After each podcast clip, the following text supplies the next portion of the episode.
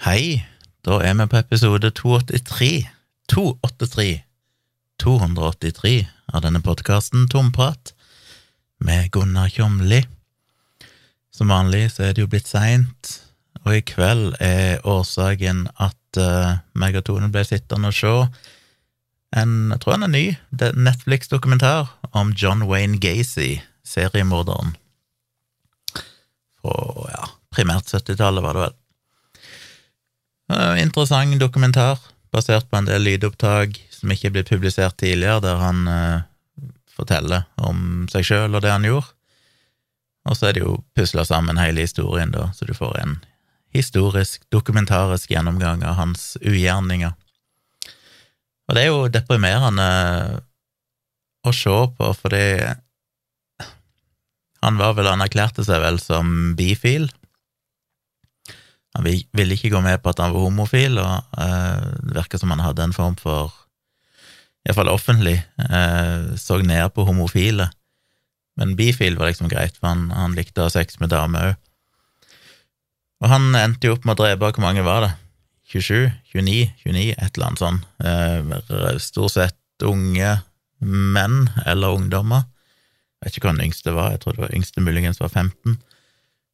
Eh, ellers var de fleste sånn 17-18-19 år gamle. Som han lokka med seg hjem, drepte vel alle i, i hjemmet sitt, tror jeg.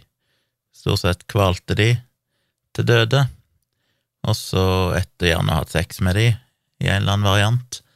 Og så begravde han jo alle på eiendommen sin, alle utenom én. Så når de endelig tok han og begynte å grave under huset hans og på eiendommen, så fant de jo da alle disse likene stort sett skjeletter som var igjen. Men det triste er jo det at han Jeg lurer på om han hadde gjort det han gjorde, hvis homofili hadde vært akseptert på den tida.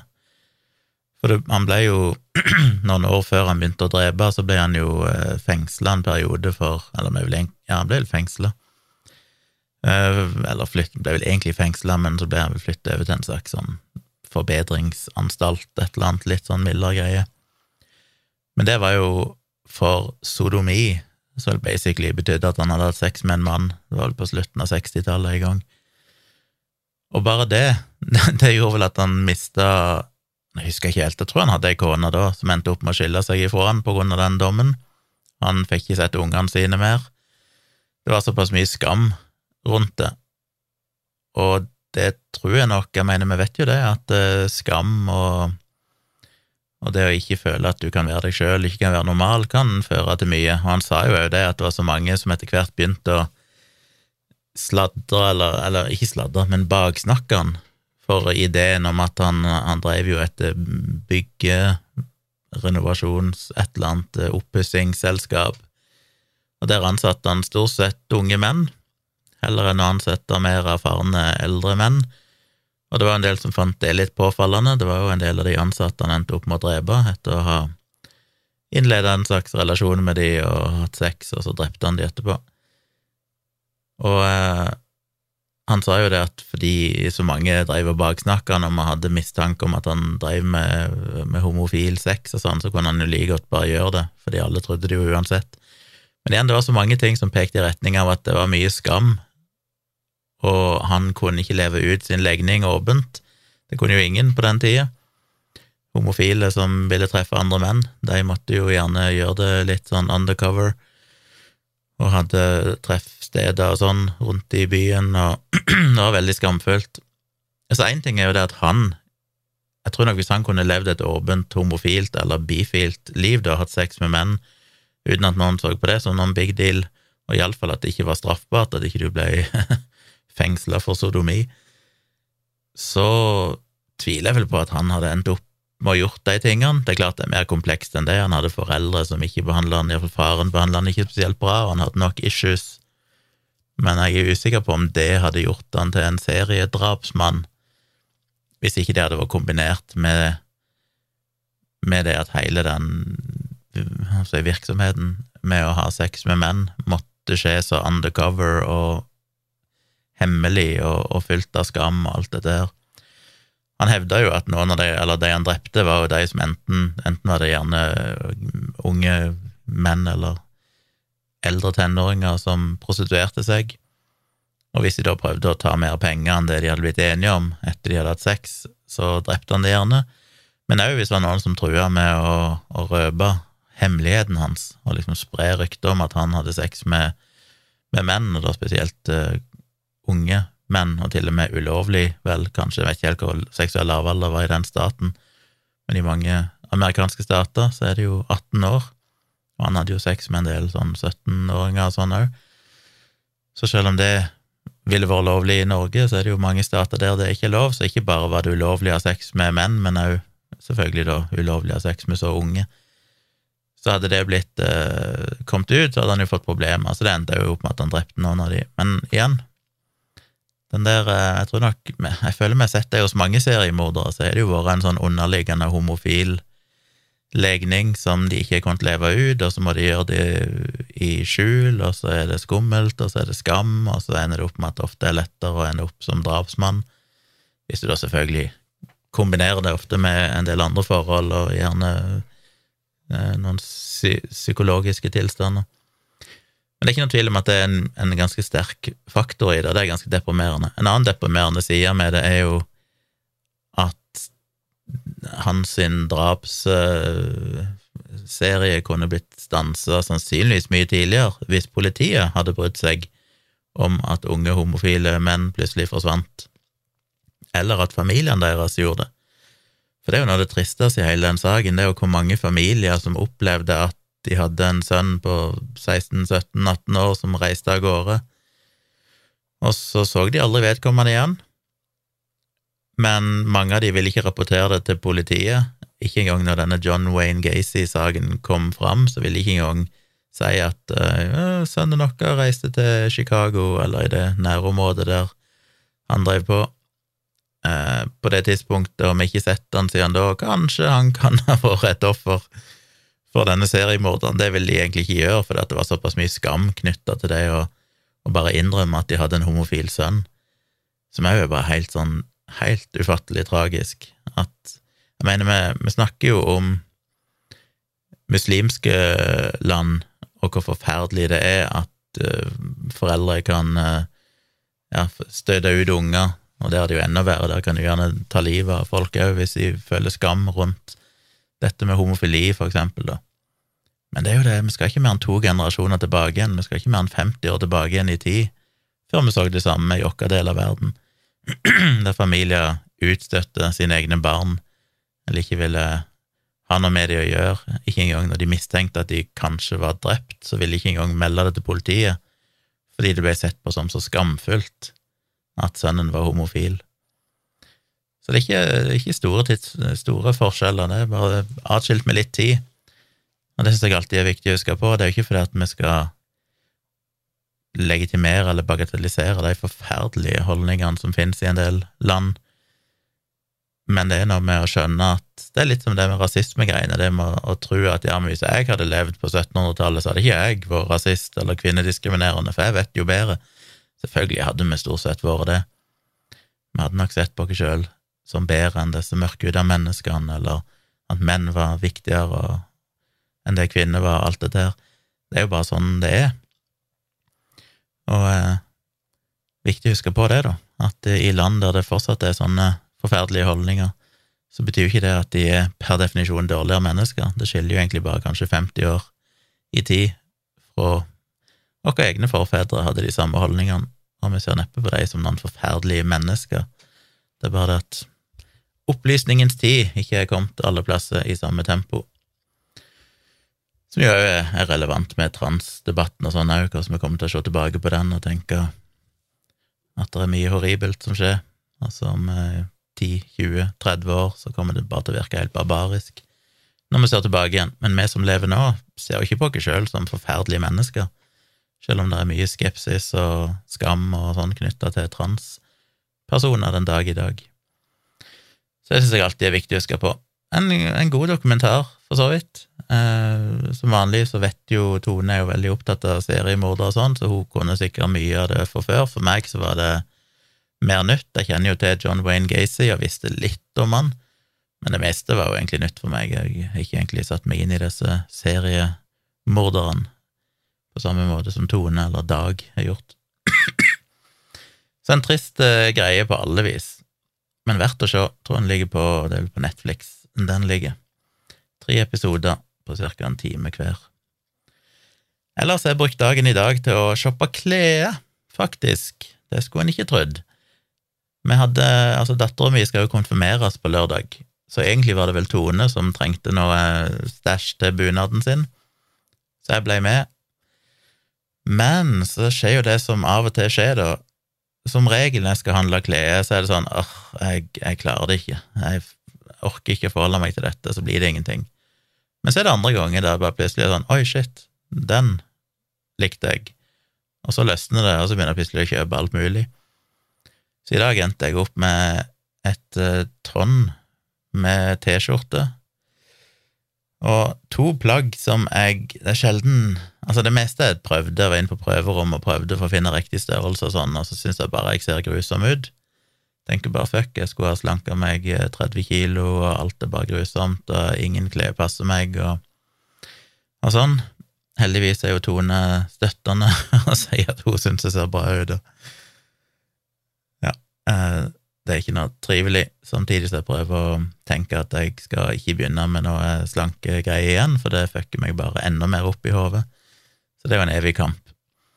Men det var to plagg jeg så, og det er ikke ofte jeg gjør det.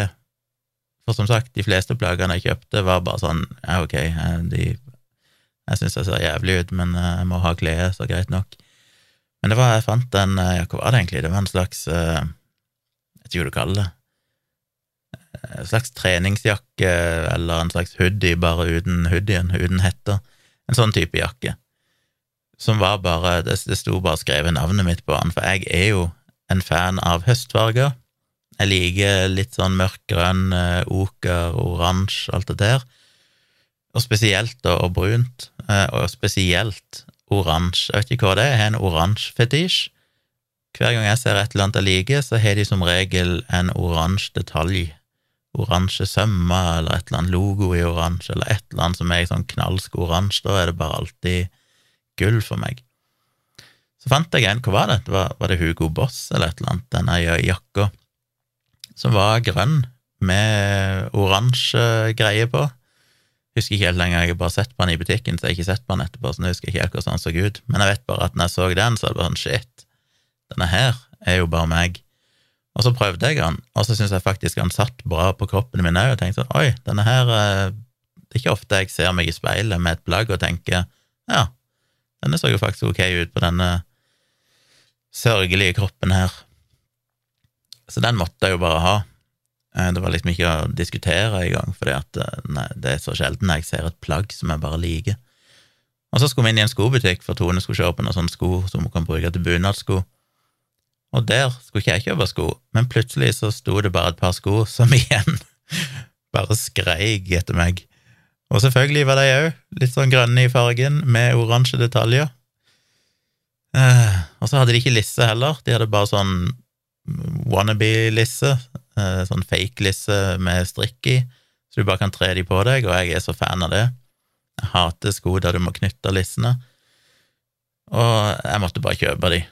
Jeg trengte egentlig, eller trengte og trengte, sko var ikke noe jeg egentlig trengte, men de begynner å bli ganske mange år gamle, de skoene jeg bruker, så jeg tenkte at eh, ja, jeg kan kjøpe de skoene, de var ikke så fryktelig dyre.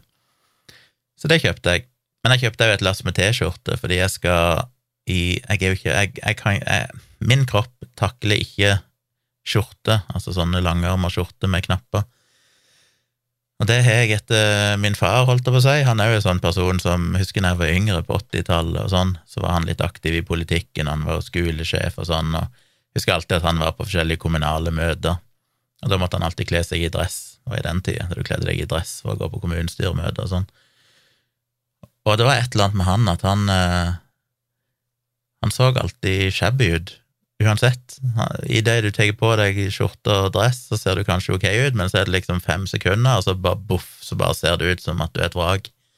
Sånn er kroppen min òg når jeg er på meg dress. Jeg klarer ikke å se stilig ut, for det skjorte bare funker ikke på meg. Så jeg er jo en T-skjortefyr, og jeg syns jo det kuleste er en dress med ei T-skjorte under.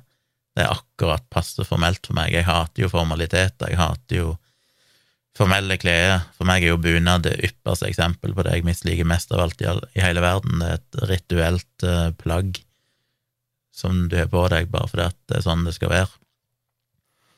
Jeg er egentlig motstander av dress òg. Jeg syns dress er kult på menn, for all del. Uh, menn som kler dress, ser bra ut. Men jeg er ikke en dresskopp. Men det hjelper hvis jeg kan ha T-skjorte på. Da føler jeg meg akkurat passe casual til at det går. Så jeg hadde egentlig tenkt å Jeg kjøpte jo en dress for en del år tilbake da jeg i, eh, skulle i bryllupet til en venn av meg oppe på Island.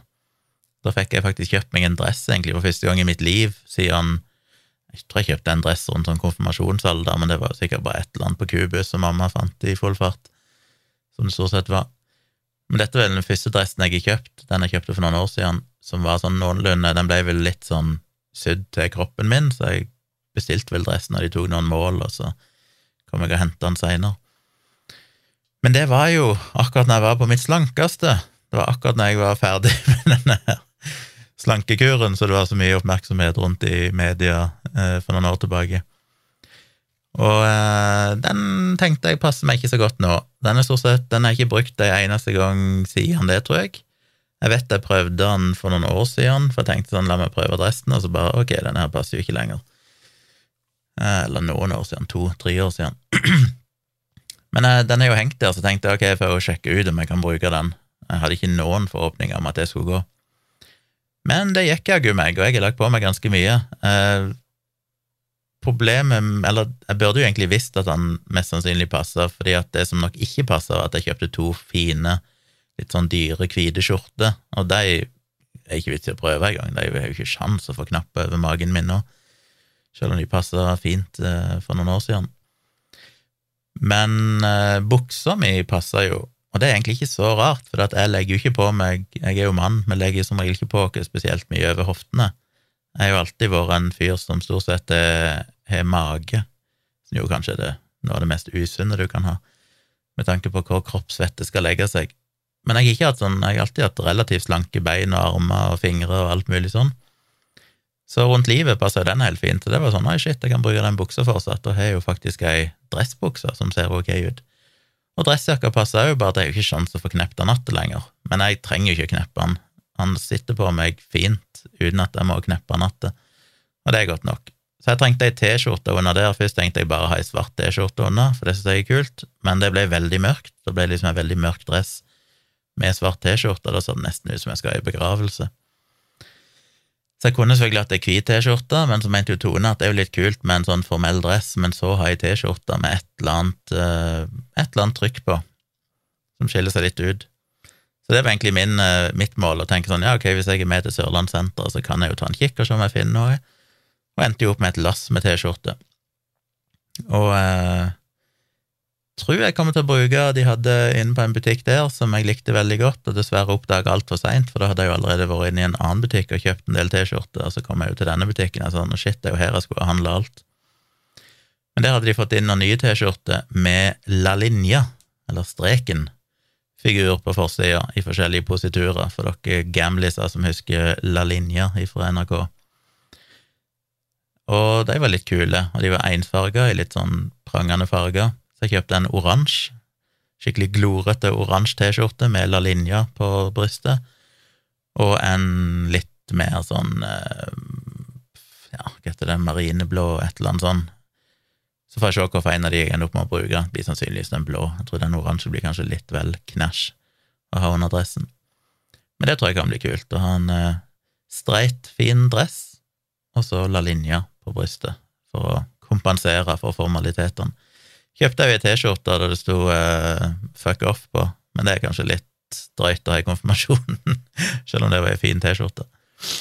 Men jeg kan kanskje ikke, da tror jeg mamma ville begynt å lure. Så jeg har vært på klesshopping og fått kjøpt en hel del. Det var, gikk mye mer penger enn det jeg hadde planlagt, men det trengs jo. Jeg trenger å ta en skikkelig opprydding i klesskuffene mine og sånn, for jeg har akkumulert over mange år litt for mye bukse bukser og T-skjorter sånn som jeg aldri bruker, fordi de enten egentlig ikke passer, eller bare er stygge, eller det er hull i de. Oi, nå må jeg nyse.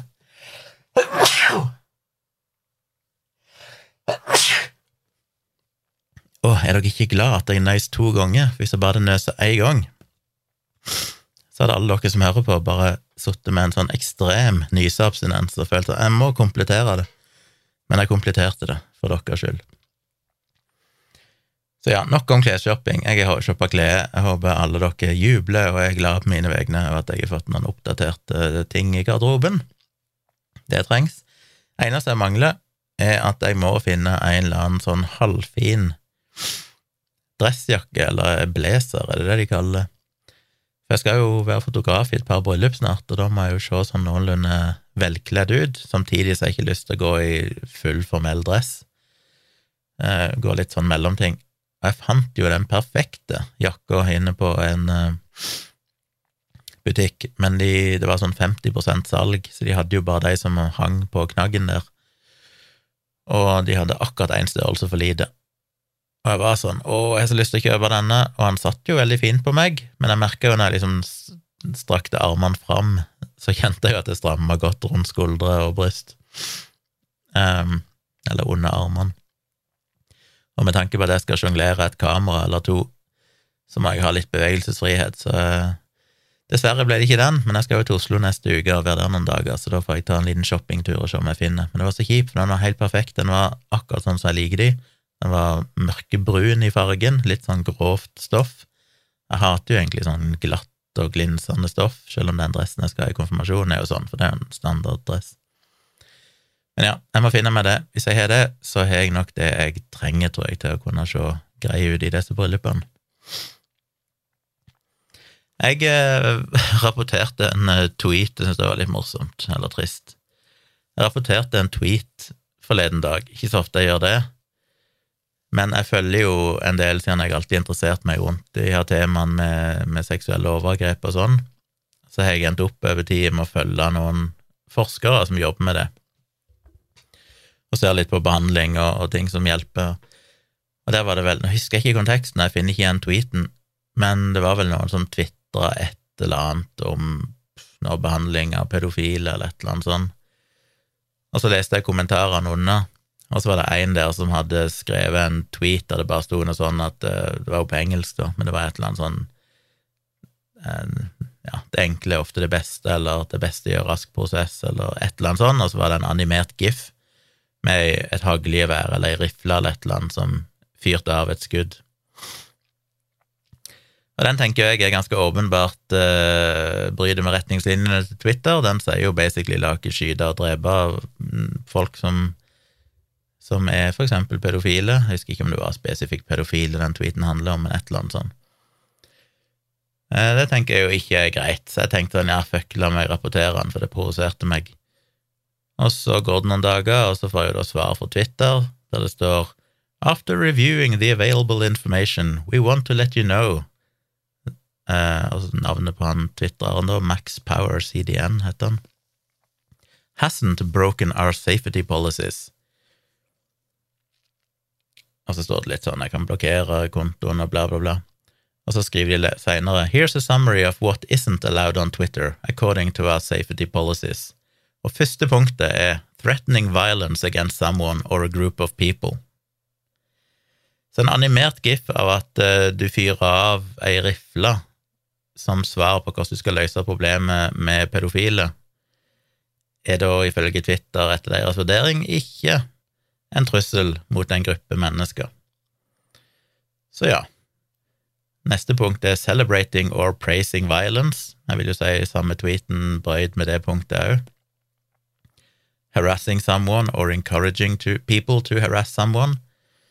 Jeg Vil jo forstå si han bryter med den òg, men det er mulig at den er retta mer mot enkeltpersoner. Wishing harm on someone vil jo definitivt si at den tweeten brøt med den òg. Promoting violence, threatening or harassing people because of their identity, like race or gender. Vil jo si sexuality òg, da, i så fall, er relevant. Eh, og jeg vil jo si den tweeten i aller høyeste grad brøt det punktet òg. Promoting or encouraging suicide or self-harm, den brydde han vel ikke. Images or videos that show sexual violence and assault. Vel, han viser jo ikke det direkte, men han viser jo et våpen som blir fyrt av, med ønske om at det skal treffe en viss målgruppe, så ja. child sexual exploitation. Det var det jo ikke, selv om det den type handlinger fører jo sannsynligvis til mer av det. Threatening or promoting terrorism or violent extremism. Ja. Så ganske mange punkter på den lista som den tweeten ganske åpenbart brøyd med. Men det er jo det som er litt av problemet med Twitter. Jeg tror de diskuterte dette i siste episode av ATP, ATP, da de diskuterte dette med Elon Musk sitt oppkjøp av Twitter, og hvordan du skulle håndtere ytringsfrihet og sånn. Da de var nettopp inne, inne på dette med at de som vurderer disse tweetene som blir rapportert, de må jo lære seg å se, se dette i kontekst. Eh, jeg husker jo dette var et tema i den tida jeg fikk eh, Facebook-kontoen min blokkert et par ganger etter at eh, vaksinemotstandere og homopatitilhengere og sånn masse rapporterte meg. Og da skrev jeg jo en, en kronikk i, på NRK Ytring, blant annet, og jeg husker ikke om jeg skrev om det der, eller om jeg skrev om det i bloggen min òg, men en eller annen plass har jeg iallfall skrevet eller snakket om det. At det en mangler på Facebook, er jo en form for eh, Hva skal du kalle det? So, det er jo egentlig en slags social eh, score, en sånn rangering, der for eksempel hvis en person har oppført seg galt eller blitt rapportert mange ganger, så får du en slags minuspoeng eller noe sånt. Sånn at eh, hvis du seinere blir masserapportert, er det kanskje større sjanse for at rapporteringa skal fungere, at du får kontoen blokkert.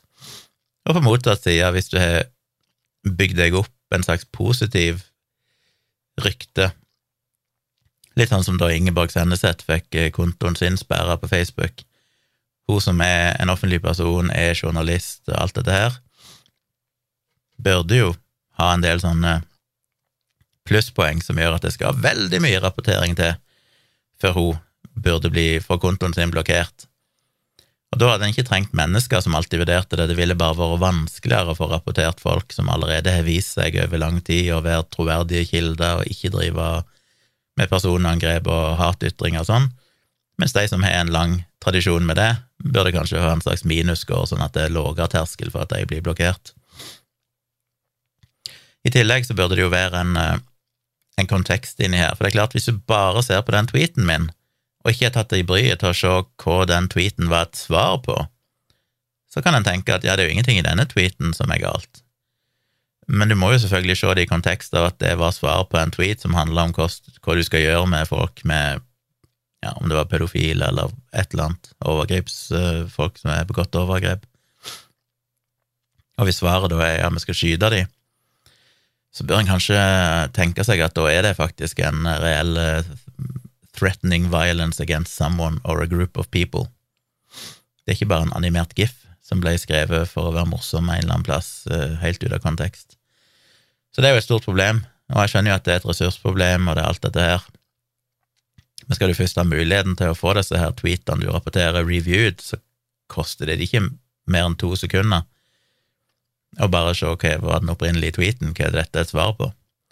Det kan jo selvfølgelig være at de som jobber med å reviewe dette, tenker at ja, vi burde faktisk drepe sånne folk, så dette er helt greit, men uh, gudene vet. Men jeg var litt sånn litt fascinerende at noe som jeg følte var så åpenbart, det kan ikke bli mer åpenbart enn det når du tror med å skyte noen, og så allikevel så mener Twitter at nei, dette bryter ikke med våre retningslinjer, og så er det flere av punktene spesifikt forbud mot å true med vold mot andre grupper eller mennesker. Eh, jeg fikk òg en eh, mail etter forrige podkast som var hyggelig, ifra eh, Kent Inge, som skriver at han jobba som fast frilansfotograf i en avis tidligere, og hadde òg jobba litt for andre aviser og solgt litt bilder sjøl til store norske aviser, og tipsa meg om at hvis jeg skulle selge bilder, som jeg jo snakket om i forrige episode Jeg fikk jo solgt et bilde til magasinet Hjemmet, som kontakta meg og ville kjøpe et bilde jeg hadde tatt, til bruk i en av sine reportasjer. Og de tilbød meg 500 kroner. Jeg hadde ikke noe grunnlag for å diskutere pris, for jeg visste ikke hva som var vanlig, jeg måtte bare stole på henne. Men ifølge prislister til, eller veiledende frilanssatser ifra Norsk Journalistlag, så står det at uh, under kategorien foto kjøp av allerede fotografert bilde, engangsbruk, 3100 kroner pluss moms per bilde.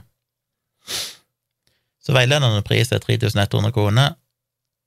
De sa at de pleide å betale 500 kroner, det var det jeg skulle få. Så da vet jeg ikke om, eh, om det er Det er mulig at det er sant, at det er det de pleier å betale, fordi at eh, de kanskje sitter og saumfører nettet etter sånne bilder. Altså er de fleste bildene de kjøper, er kanskje av folk som ikke nødvendigvis er etablerte fotografer, men som kanskje bare har et eller annet bilde ute i et eller annet galleri som er relevant. Og så tenker bare folk ja, ja, det er jo hyggelig, det. Så det kan jo være at det er sant, det hun sa. Det kan jo òg være at hun tilbød meg en ekstremt lav pris fordi hun ville prøve seg, og kanskje være at jeg ikke helt visste hva det skulle koste. Det sa jeg vel rett ut til henne.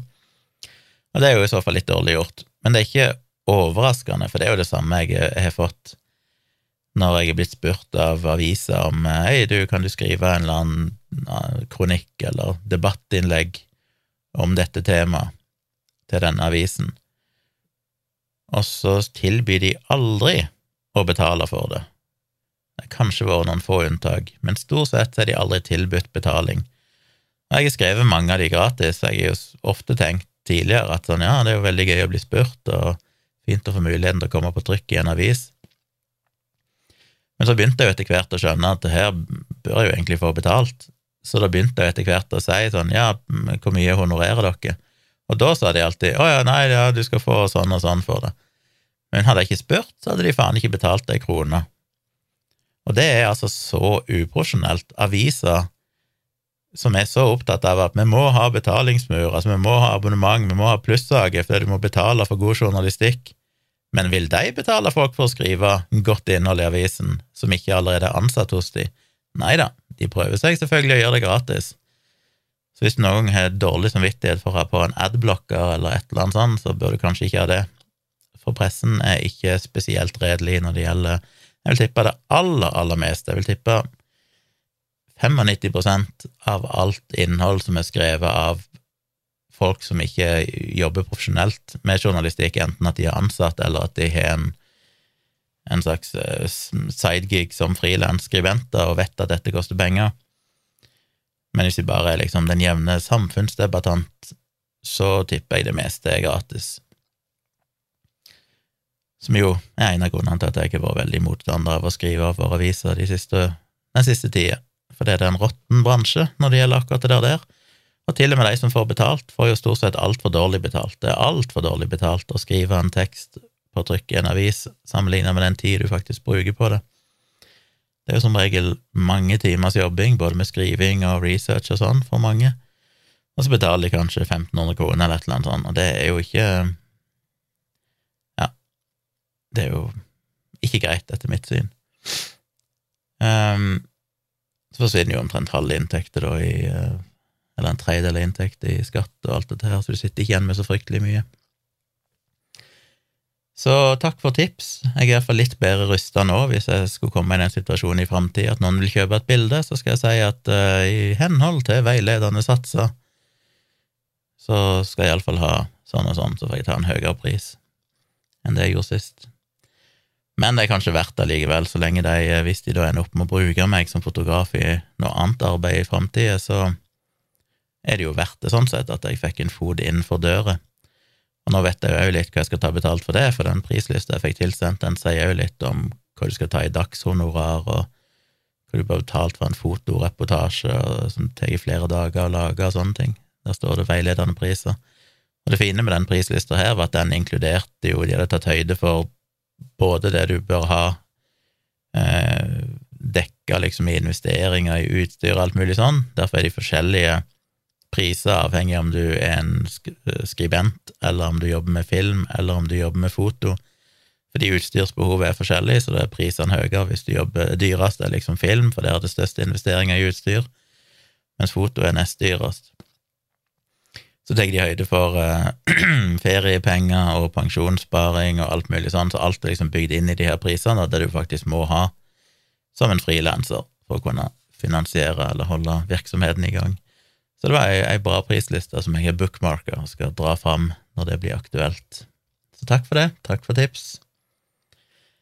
Jeg var òg en uh, tur hos uh, legen her i uh, uka som var. Det nevnte jeg kanskje i forrige episode, for det var vel før jeg spilte inn den forrige episoden, var ikke det? Tror det. Men jeg sa vel ikke så mye om hva som skjedde der. Jeg gjorde det. Jeg husker ikke helt.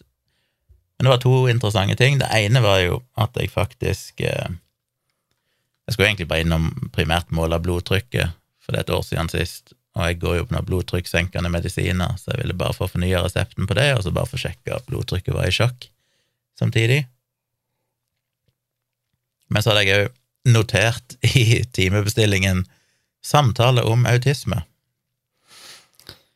Eh, og når jeg kom der, så håpte jeg litt sånn at han ikke hadde fått med seg det, at han bare skulle glemme det vekk. Fordi, som dere vet, så har jeg jo snakka en del om dette tidligere, dette med er jeg liksom på spekteret. Noen som kjenner meg godt, mener helt tydelig ja, det er du definitivt. Andre som kjenner meg godt, mener nei, det er du definitivt ikke. Så jeg vet ikke. Og det er ikke så fryktelig viktig, egentlig. Men etter hvert som jeg har lest om en del ting rundt autisme og Aspergers og sånn tidligere i livet mitt, så har jo det hjulpet meg til å forstå meg sjøl bedre. Og jeg snakket litt om det i en eh, livestream her for et par uker siden, eller noe sånt, eller forrige uke var det kanskje, jeg husker ikke, men der det var en som kommenterte i livestreamen at eh, For det var vel noen som spurte meg om jeg hadde utreda det noe videre. Så sa jeg nei, jeg har ikke gjort det, jeg er litt usikker på om jeg skal. Men da var det en som mente at uavhengig av hva liksom diagnosen ble, så mente de at det definitivt ville være en veldig nyttig prosess som jeg kan få mye ut av. Så tenkte jeg ja, de har vel et poeng. Jeg tror nok, uh, tror nok både det kan være nyttig, pluss at jeg er jo veldig nysgjerrig òg. Jeg syns jo det hadde vært veldig gøy å bare fått gjort noe sånn for å bli bedre kjent med meg sjøl, nesten som en psykologisk utredning, eller ja. så dessverre så huska legen det, og sa det at ja, du har jo notert dette med autisme, og så måtte jeg begynne å forklare han det, og da føler jeg meg jo sånn Jeg har jo laga en egen video på YouTube-kanalen min der jeg prøver å forklare hvorfor jeg lurer på om jeg kan være autist, og den var jo ei stund, den videoen, og når jeg lagde den, så hadde jeg notert meg fryktelig mange punkter med alle sånne eksempler på hva, hva for noen rare ting med meg som er veldig autistisk i måten jeg tenker på og oppfører meg og, og sånn. Men jeg sitter der hos legen og jeg har ganske begrensa tid, så jeg sånn, hvordan, hva skal jeg si nå, så det ikke bare høres ut som jeg er helt på jordet? Eh, så jeg endte opp med å bare trekke fram noen sånn over, ja, typiske eksempler da, på ting som er litt sånn autistiske, men og sa at jeg syntes det hadde vært interessant å finne ut litt mer, da, for dette har jo faktisk vært et problem for meg i livet, at jeg har hatt slitt veldig mye med, med å være sosial og alt det der. Og så sa han vel egentlig det at uh, han trodde nok ikke at jeg ville få, få noen skikkelig utredning for dette, for det er veldig uh, høy terskel for å bli liksom utreda skikkelig eller bli sendt videre i systemet i BPS. Er det BPS, dette? Ja, noe sånt. DPS, mente jeg. ikke BPS. DPS, det klang litt feil. Um, så det trodde han nok sannsynligvis ikke. Du måtte nok ha ganske store atferdsvansker eller store hemminger i livet ditt, livskvalitet og sånn, før du egentlig ble prioritert inn i det systemet der. Men han kunne jo gjøre en litt mer uformell utredning av meg, bare som lege, da, og han hadde en psykiater et par kontor lenger bort som han òg kunne konferere med i prosessen og, og få litt innspill og sånn. Han syntes det hadde vært litt interessant for sin egen del, sa han. Og så det kunne vi gjøre, men han lot det være litt opp til meg, da, og hvis jeg ønsker det, så kan jeg bestille en time igjen og starte den, og da kan vi sette av litt mer tid, sa han, til å sitte og prate litt og gå litt mer gjennom det. Eh, så det er litt opp til meg om jeg vil gjøre det eller ikke. Det høres ut som et styr, men Og jeg merker jo det at det å sitte og snakke om det til en fremmed person, der jeg føler at jeg har liksom tidspress, og nå må jeg overbevise han om at jeg ikke har at det er grunnlag for det jeg sier, det stressa meg ganske mye, som gjorde at blodtrykket mitt økte. Så når han testa blodtrykket mitt, så var jo det litt for høye. Men jeg tror nok det var fordi at jeg kjente hjertet dunka ganske hardt der jeg satt, for jeg var så stressa av den samtalen. Så vi ble enige om at jeg skulle komme inn igjen om en måned og ta en ny blodtrykksprøve, når jeg kanskje var litt roligere. Eh, men jeg får se om jeg gjør det. Det andre jeg skulle inn og gjøre, er jo at jeg årlig må inn og rense ørene mine for ørevoks. Og for de som syns dette er ekkelt å prate om, så får dere skippe fram litt i podkasten. Jeg syns sjøl ørevoks er veldig ekkelt. Jeg syns generelt sett alt som handler om kroppsvæske og sekreter og sånn, er ekkelt. Kroppen generelt sett syns jeg er ganske ekkel. Så jeg skjønner hvis ikke du har lyst til å høre om dette. Men det er jo et uh, vanlig problem, så la meg snakke om det. Og det er jo primært genetisk, så det er jo ikke noe en burde skamme seg over. Jeg, jeg føler en form for skam over at jeg er plaga med ørevoks, for det gir meg assosiasjoner til at jeg er urein eller skitten. Men jeg eh, dusjer hver morgen, og jeg vasker ørene mine, og de, det er ikke noe med det å gjøre. Men det er jo primært genetisk. Eh, du har enten myk ørevoks eller hard ørevoks. Jeg husker ikke hva jeg har, jeg vil tippe jeg har ørevoks. Som da i mindre grad eh, går ut av seg sjøl, stort sett. Så, altså, ørevoks er jo døde hudceller som blander seg med, med talg eller fett fra huden inni øret ørekanalen, og så blir det til ørevoks, og så stort sett så tørker det, og så faller det ut i flagg, så de store deler av befolkningen merker det ikke. Men det er jo et utbredt problem hos eldre. Det er ganske stor andel når de er sjekka, de viser seg å ha helt tette øyre- og ørevoks, at det ikke alltid blir fulgt opp like godt.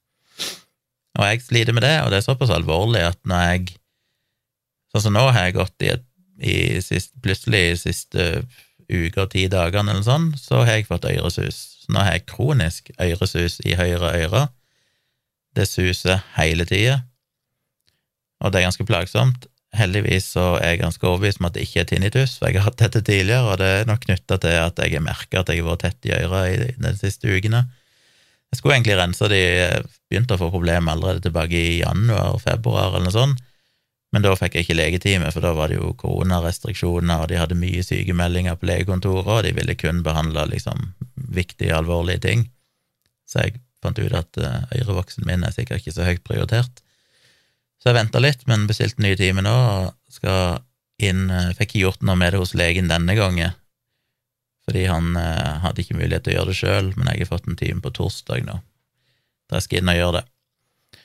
Så jeg må fjerne ørevoks, og jeg har jo gjort det i Oslo en del ganger.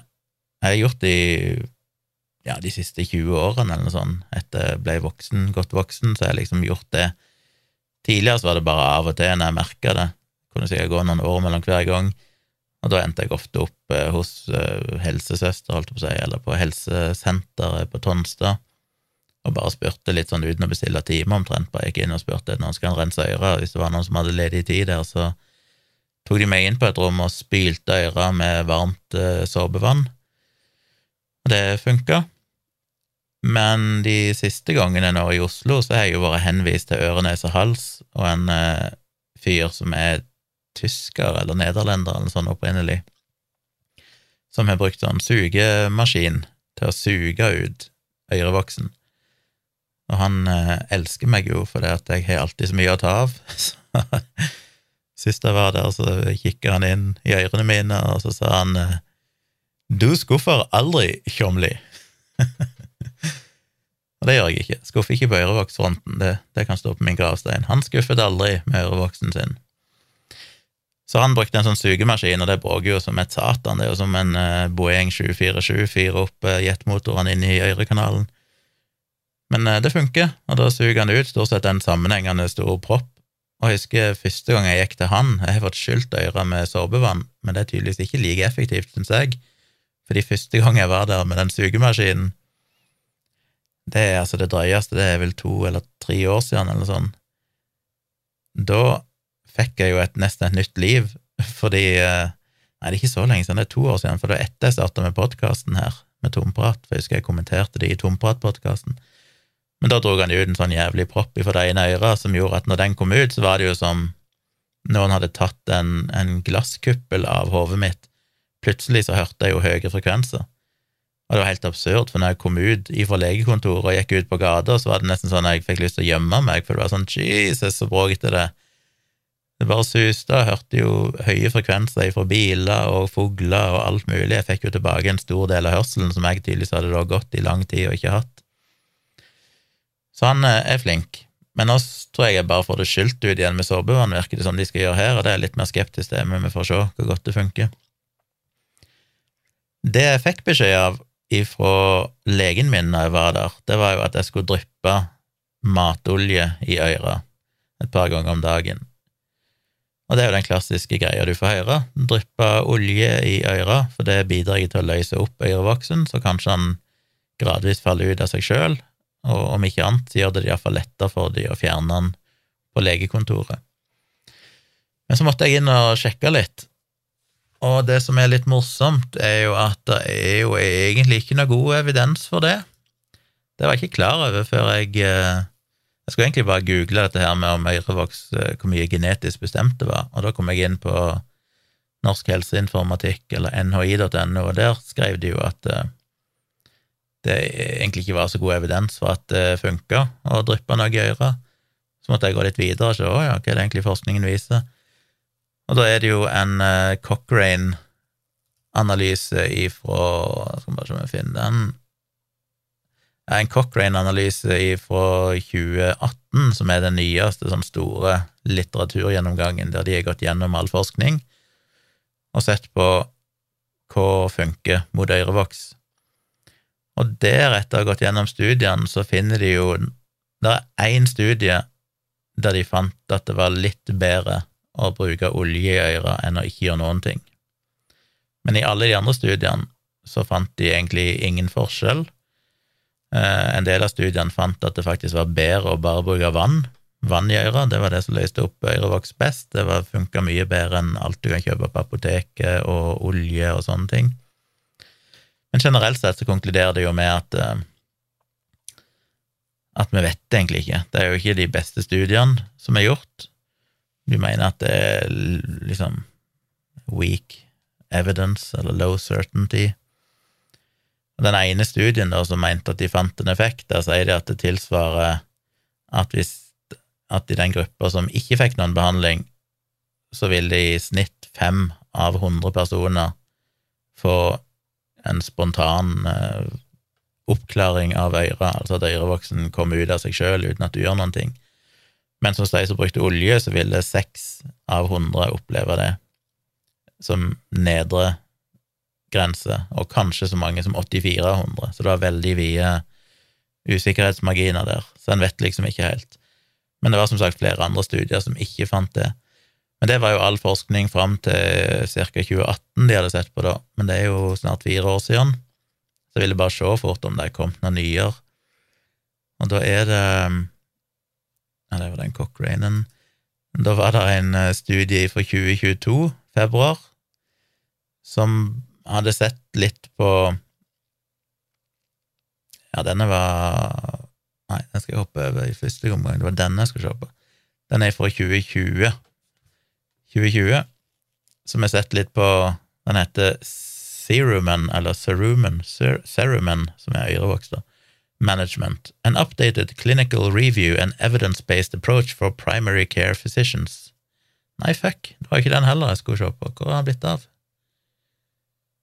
Hvor er du blitt av, min kjære, kjære studie? Der var han.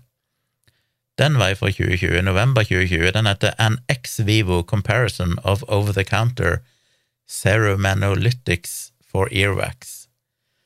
Og ex vivo betyr jo at det er utenfor kroppen, ikke in vivo, som betyr i kroppen, men utenfor kroppen. Så de har rett og slett samla ørevoks fra tolv forskjellige pasienter og tatt det ut, klumpa med ørevoks, og så har de prøvd å Og de var forskjellige typer, det var soft, medium og hard. Og så har de brukt forskjellige løsninger da på dem for å se hva er det som myker opp ørevoksen best. Og da har de prøvd eh, ja, diverse sånne lege, eller sånne eh, merkevarer da, som det står navnet på, pluss hydrogenperoksid, olivenolje eh, og også sterilt vann. Og lot da øyrevoksen ligge i disse forskjellige oppløsningene, eller løsningene, væskene, i forskjellige tidsperioder. I en, de ble sjekka etter ett og to og fem minutter. Og det de fant, var at det mest effektive var sterilt vann. Vann var det som løste opp øyrevoksen best. Det er klart det er en bitte liten studie, da, så det er ikke godt å vite hvor mye en skal konkludere ut ifra det, men litt morsomt at de har gjort en sånn studie.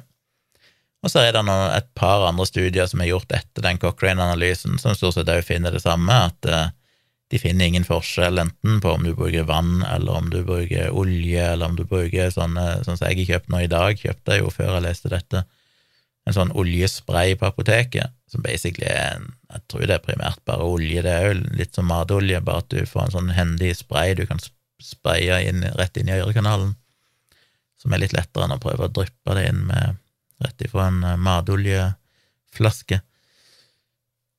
Men de finner stort sett ikke noe forskjell, og på en del av studiene så finner de heller ingen forskjell på om du ikke hadde gjort noen ting.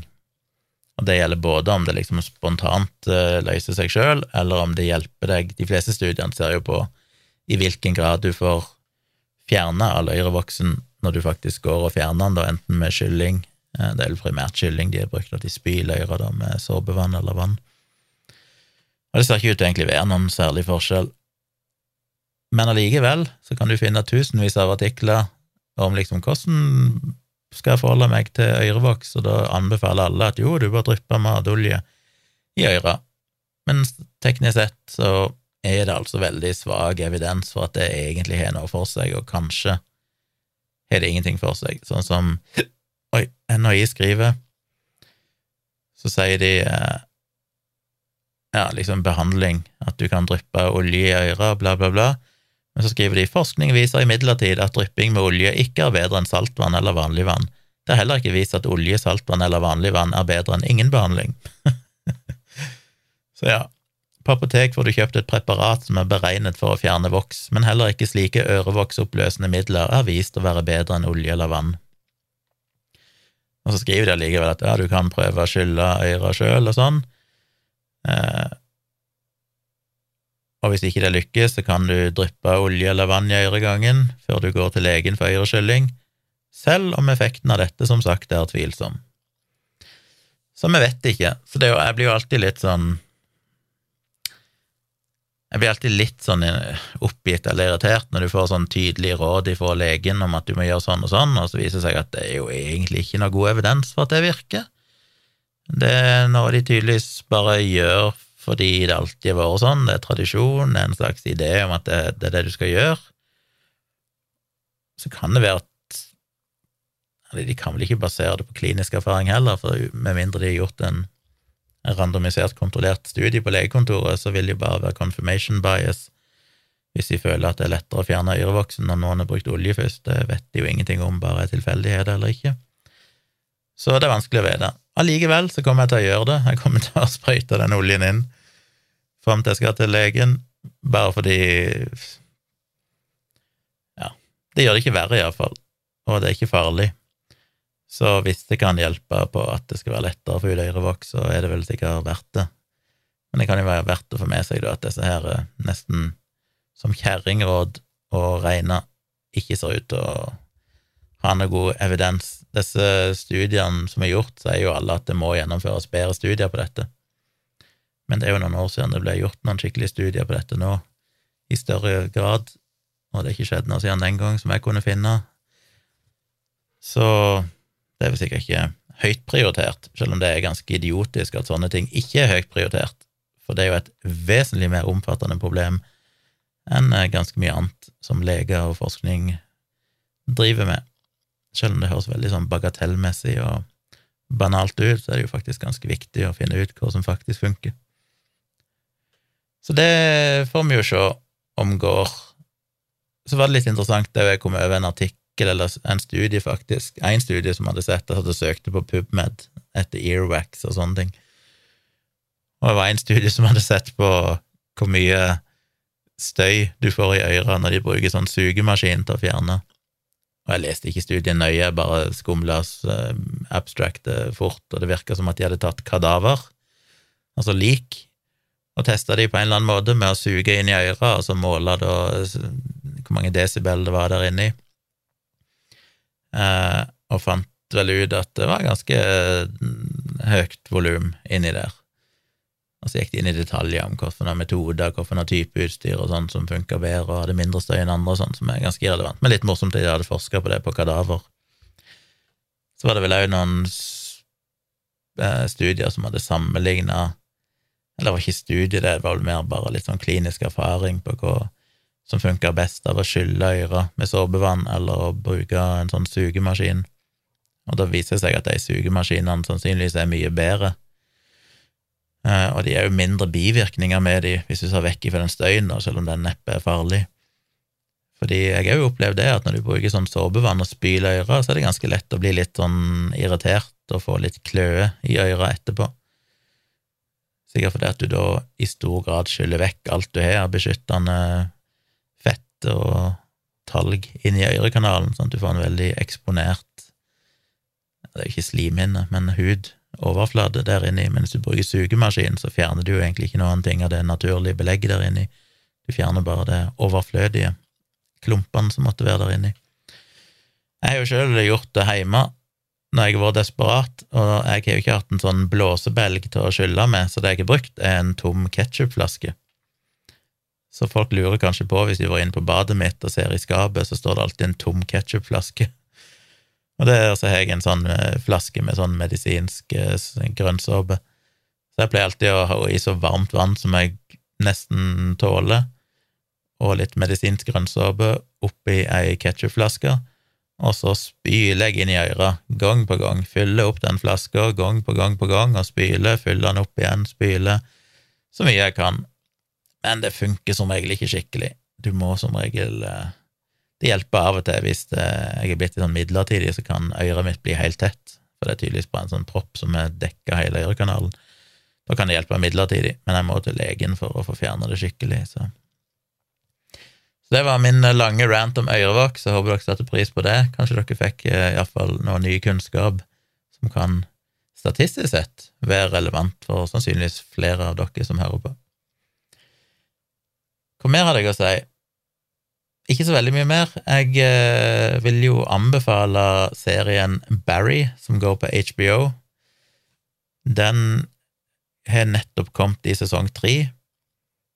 Det er jo en av de bedre seriene jeg har sett noen gang.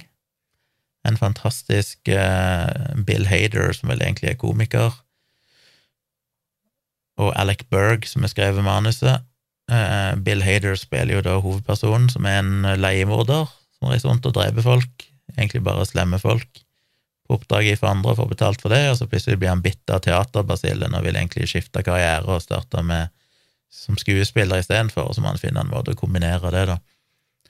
Men det som er så bra med den serien, er at det, liksom, det er jo klassisk drama i den forstand at det er romantikk og alt dette her, men han er sinnssykt spennende etter hvert. Jeg husker jo cliffhangeren i sesong én er jo så dritspennende, og han er så brutal, som er det som er det herligste med han, at han er egentlig så uskyldig og virker litt som en sånn midt på treet, småmorsom, eh, hyggelig serie og så plutselig kommer de mest brutale scenene med drap og sånne ting, som er ganske drøye.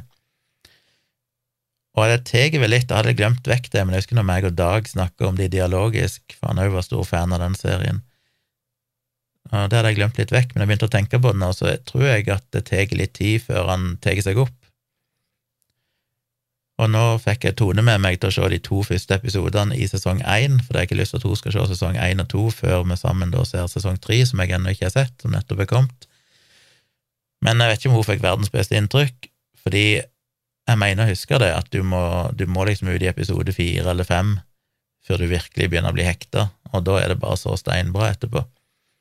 Så hvis du skal se Barry, du må nok gi det fire-fem episoder før du virkelig blir dratt inn i det, selv om jeg syns han er bra nok fra starten, men han er liksom ikke superbra før du kommer litt lenger inn. Men jeg er spent på sesong tre, om de klarer å holde oppe samme kvaliteten som de to første sesongene hadde.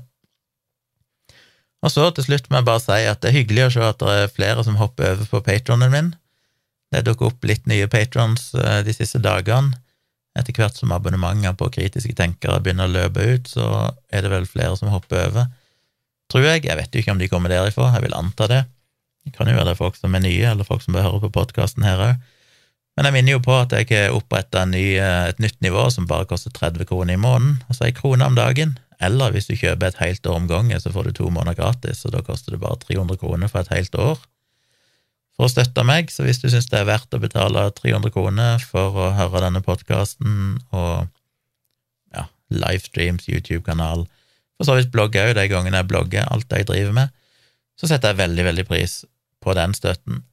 Hvis du går opp litt, og går opp til 60 kroner i måneden, så får du òg denne podkasten før alle andre, og òg helt uten reklame. Så vil du ha reklamefri tomprat, så kan du bli eh, det som kalles for Tjommi S, som koster 60 kroner i måneden, eller to kroner om dagen, eller Ja, hva blir det? Eh, 600 kroner? ja, det er ti måneder du betaler for. Eller 600 kroner i året for å få en reklamefri podkast. Jeg håper du syns det er verdt det, så gå gjerne inn på patron.com slash tjomli og støtt meg der. Det betyr faktisk veldig mye for at jeg gjør det jeg gjør. Ellers hadde jeg ikke hatt mulighet til å prioritere det hvis jeg ikke hadde hatt folk som støtter meg. Så jeg må jo rette en enormt stor takk til dere som faktisk støtter meg allerede på Patron eller Kritiske tenkere, og som nå da snart må hoppe over på Patron. Det er det som gjør det mulig for meg, rett og slett, å kunne drive med akkurat det som jeg gjør, å sitte oppe her på nettene og prioritere å bruke timer på alt det, livestreams og sånn. Så tusen takk, og jeg håper at enda flere ønsker å gi meg den støtten. Jeg skal prøve å få til en livestream igjen i morgen kveld, eller i kveld, altså tirsdag 3. mai, Pleier å begynne klokka elleve på kvelden inne på min YouTube-kanal Tvilsomt med Tjomli, eller på Facebook-sida mi som heter Saksynt, eller på Facebook-profilen min som heter Gunnar Roland Tjomli. Men jeg anbefaler jo, jeg er til og med på Twitter, der jeg heter Civix. Følg meg gjerne på Twitter forresten og Instagram, CIVIX, eller på min nye fotokonto, eller ny og ny, nyere fotokonto som heter Tjomli Foto. Alltid hyggelig med følgere der.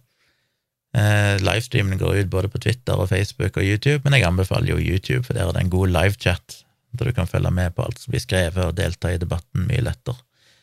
Alltid gøy når det kommer litt flere folk der, og gøy når det dukker opp nye ansikter. Og husk, du kan være helt anonym der, du trenger ikke skrive noen ting i chatten. Du kan bare sitte og se på, og jeg aner ikke at du er der, aner ikke hvem du er. Det er kun hvis du velger å skrive i chatten at jeg i det hele tatt ser at du er der enten at jeg ser et tall på antall seere, uten at jeg vet hvem de er. Så det er ikke sånn farlig. Det høres kanskje farlig ut når jeg snakker om livechat og alt dette her. Det er mange, de aller, aller fleste, ser bare på uten å delta i det hele tatt, så det er fullt mulig. Jeg tror det var alt. Hvor lenge har jeg eh, prata nå? Ja, det ble en time likevel, selv om jeg hadde absolutt null å egentlig snakke om i dag. Men eh, sånn er det. Takk igjen for at du hører på. Jeg er tilbake igjen på fredag med en ny episode. Og så er det konfirmasjon til Helge. Jeez, jeg må jo må begynne å tenke om jeg skal holde en tale. Det har jeg faktisk aldri gjort før. Jeg har holdt 130-40 eh, foredrag i mitt liv, men aldri holdt en sånn helt vanlig festtale. Så det blir første gang i mitt liv, i så fall. Men det må jeg vel nesten gjøre for dattera mi. Må finne ut et eller annet jeg kan si. Få sjå. Ei lita uke på meg ennå. Jeez. Anyway, vi høres. Snakkes.